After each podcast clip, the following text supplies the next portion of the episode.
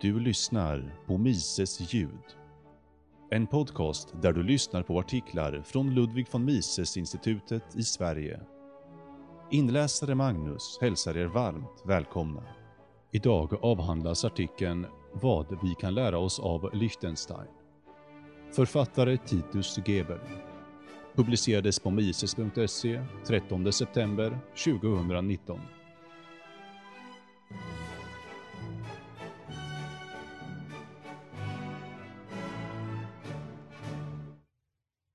Om man i en diskussion nämner att Liechtensteins politiska system skulle kunna fungera som en modell för Tyskland, möts man ofta med förakt och hån. Om du dock gräver lite djupare för att ta reda på vad folk faktiskt vet om Liechtenstein, är resultatet vanligtvis lite eller inget. Furstendömet Liechtenstein har ingen gemensam gräns med Tyskland. Det är beläget mellan Schweiz och Österrike och saknar helt kust. Det nationella territoriet täcker bara 160 kvadratkilometer, vilket gör Liechtenstein till den sjätte minsta staten i världen. Landet har 37 000 invånare, varav 34 procent är mestadels tysktalande utlänningar. Huvudstaden är Vaduz och det enda officiella språket är tyska. Liechtenstein har varit en suverän stat sedan upplösningen av det tysk-romerska riket 1806. Furstendömet har inte någon egen valuta, utan använder det schweiziska franken och har en tullunion med Schweiz. Till skillnad från Schweiz har Liechtenstein emellertid blivit medlem av Europeiska ekonomiska samarbetsområdet, EES, efter en folkomröstning. Det finns fri rörlighet för varor, tjänster, kapital och personer bland medlemsländerna. Liechtenstein lyckades dock begränsa den fria rörligheten till 64 nya uppehållstillstånd per år. I motsats till vad man kan tro är furstendömet inte en operettstat som lever på frimärksförsäljning och tvivelaktiga finansiella transaktioner. Snarare är det ett högst industrialiserat land med en mycket diversifierad ekonomi, där den mest betydande branschen är tillverkningsindustrin, särskilt maskinteknik. Många schweizare, österrikare och tyskar pendlar till furstendömet för att arbeta. Trots sin lilla storlek finns marknadsledande företag som Hilti och Ivoclar i Liechtenstein. Cirka 40% är anställda inom industrisektorn, vilket gör Liechtenstein till ett av de mest industrialiserade länderna i världen. Som jämförelse arbetar mindre än 10% inom finansbranschen med ett företag per nio invånare har Liechtenstein förmodligen den högsta tätheten av entreprenörer i världen. Grundlagsreformen 2003 År 2003, efter tio år av diskussioner, antogs efter en folkomröstning en stor grundlagsreform som stärkte rättigheterna för medborgare, kommuner och monarker på bekostnad av parlamentet och regeringen. Skälen till detta är lärorika, eftersom de belyser grundläggande problem med parlamentarism och demokrati.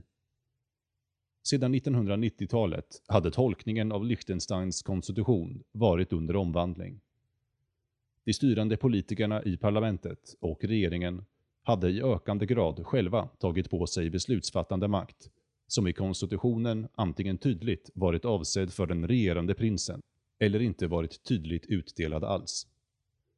I vissa fall stiftades till och med nya lagar, utan den enligt konstitutionen obligatoriska underskriften av den regerande prinsen.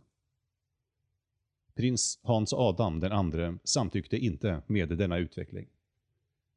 Han motiverade sitt framgångsrika ändringsförslag med att förklara att av praktiska skäl var folket och den regerande prinsen tvungna att delegera statens uppgifter till mindre grupper, politiker, partier administratörer.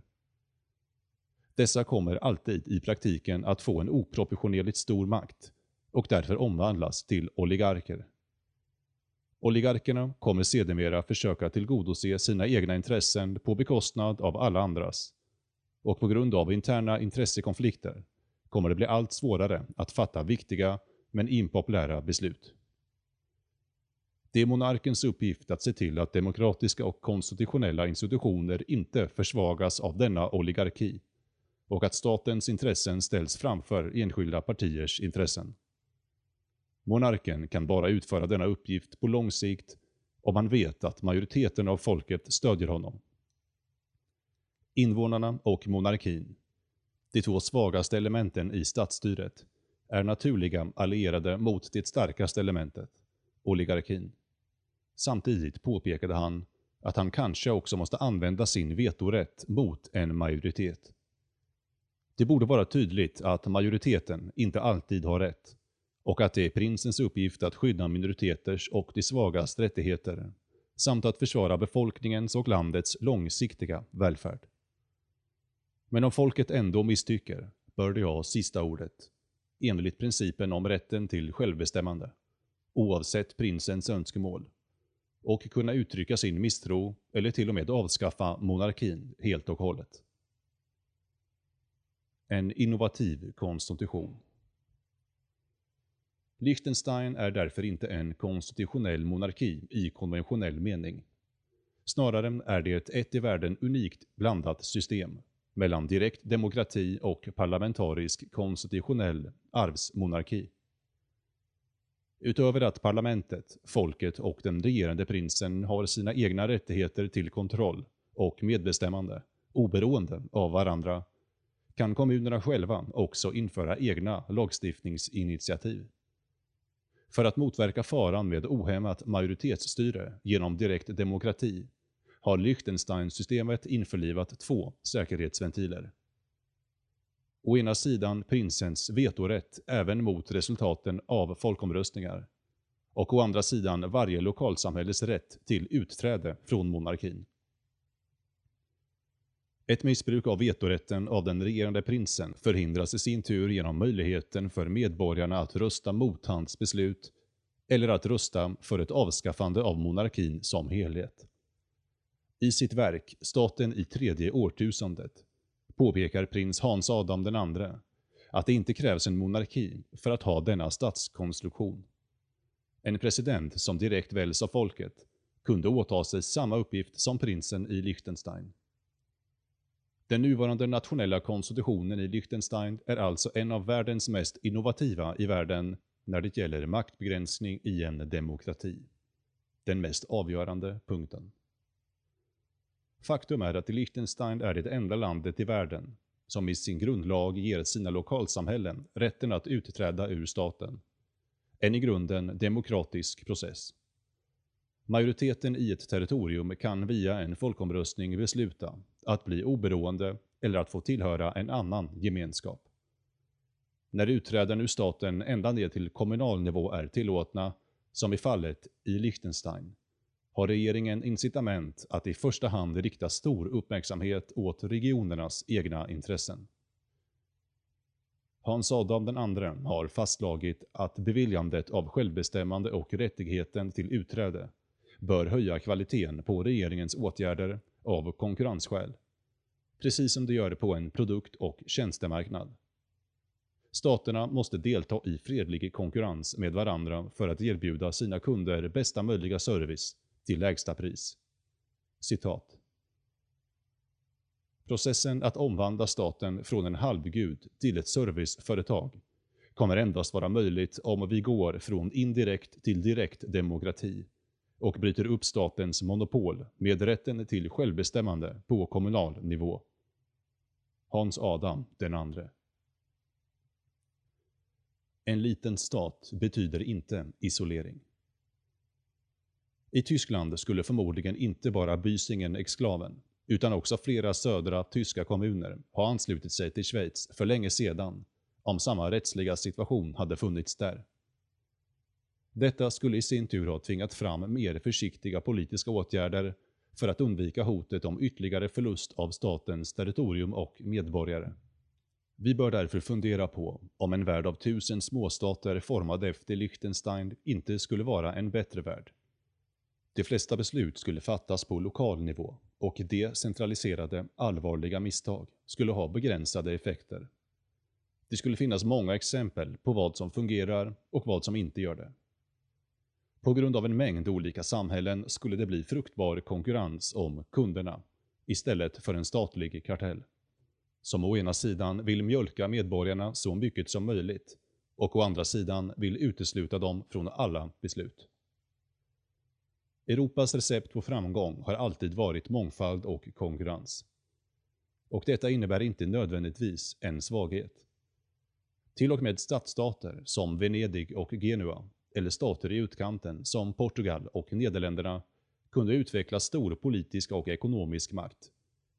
Upprättandet av överlägsna institutioner, såsom en gemensam frihandels eller ekonomisk zon, eller ett gemensamt försvar, är alltid en möjlighet och när det gäller samhällen som till stor del liknar varandra, till och med en självklarhet. Tänk till exempel på stadsstaterna som utgjorde Hansan eller Tyska förbundet. En allians av 39 suveräna stater som upprätthöll gemensamma politiska och militära institutioner.